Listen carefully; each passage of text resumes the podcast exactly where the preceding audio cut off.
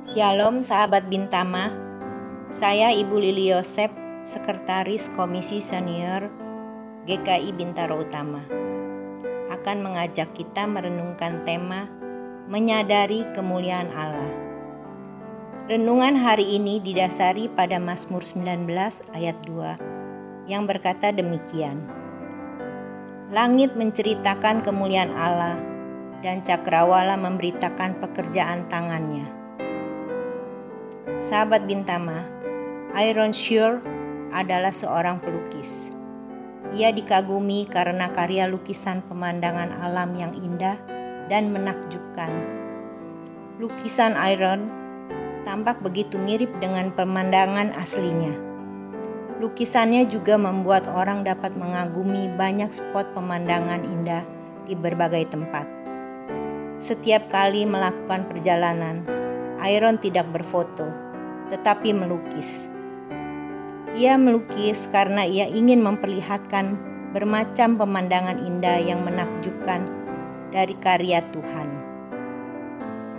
Disadari atau tidak, ketika kita berada di tengah keindahan dan kemegahan alam semesta, kita akan mengalami ketakjuban. Inilah yang dialami pemazmur di dalam Mazmur 19 ayat 2. Pemasmur sadar bahwa semua keindahan dan kemegahan alam semesta merupakan tanda kemuliaan Allah. Maka dari itu ia berkata, Langit menceritakan kemuliaan Allah, dan cakrawala memberitakan pekerjaan tangannya. Dari ayat itu, kita bisa memahami bahwa dengan merenungkan gerak dan fenomena alam yang ada di sekitar kita, maka kita tiba pada sikap untuk memuliakan Allah. Sahabat Bintama, tak hanya melalui pemandangan saja, kemuliaan Allah juga jelas terpancar dalam firman-Nya yang tertulis.